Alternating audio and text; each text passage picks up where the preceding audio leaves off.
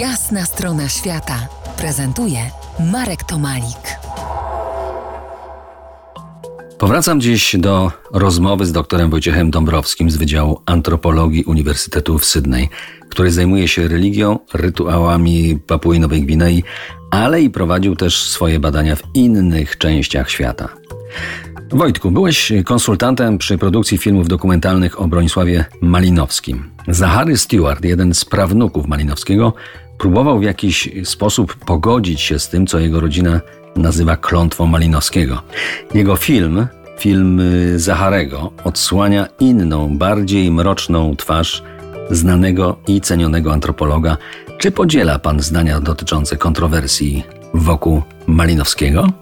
Ja nakręciłem film razem z Domarackim pod tytułem Szlachetny Dzikus. To było o, o Malinowskim, ale wszyscy się wypowiadali bardzo życzliwie i serdecznie o Malinowskim i mówili, że dzięki niemu to Triobriandy, które są malutką wyspą zagubioną na oceanie, stał się znanym w świecie miejscem. Ale to, co e, powoduje, że Malinowski jest nadal czytany na uniwersytetach i nadal cieszy się ogromnym autorytetem, to są właśnie jego opracowania, które są przesiąknięte zarówno romantyzmem, jak i racjonalną, rzetelną etnografią.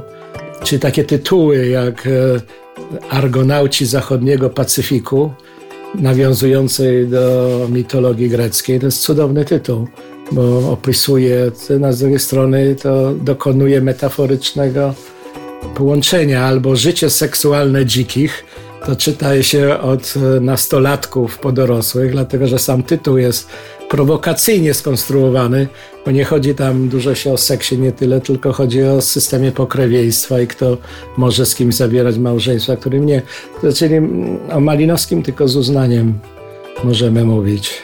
On porównywał się do, i dlatego miał taki sentyment do Triobriantczyków, dlatego że on pochodząc z Krakowa był świadomy, że w imperium austro-węgierskim, którym Kraków był wtedy, to to jest margines, na którym w Galicji żyje różne grupy, które nadal się swoimi prawami kierują, chociaż są częścią większej konstrukcji politycznej, która w jakiś sposób wpływa, ale nie do reszty, bo najważniejsze jest, co się między nimi dzieje. Czyli on tutaj, bo Malinowski przyjechał do Australii i był tutaj znaną postacią w życiu akademickim australijskim, to on właśnie przyjął na siebie szlachetny dzikus, że ja jestem dzikusem z prowincji austro-węgierskich, co wy anglosasi, czy nie mówiąc Australijczycy, wiecie, gdzie jest Galicja i jakie jest życie naszych Polaków w tamtym rejonie.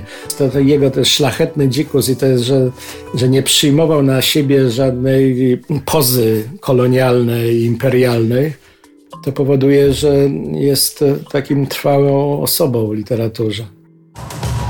To jest jasna strona świata w RMS Classic.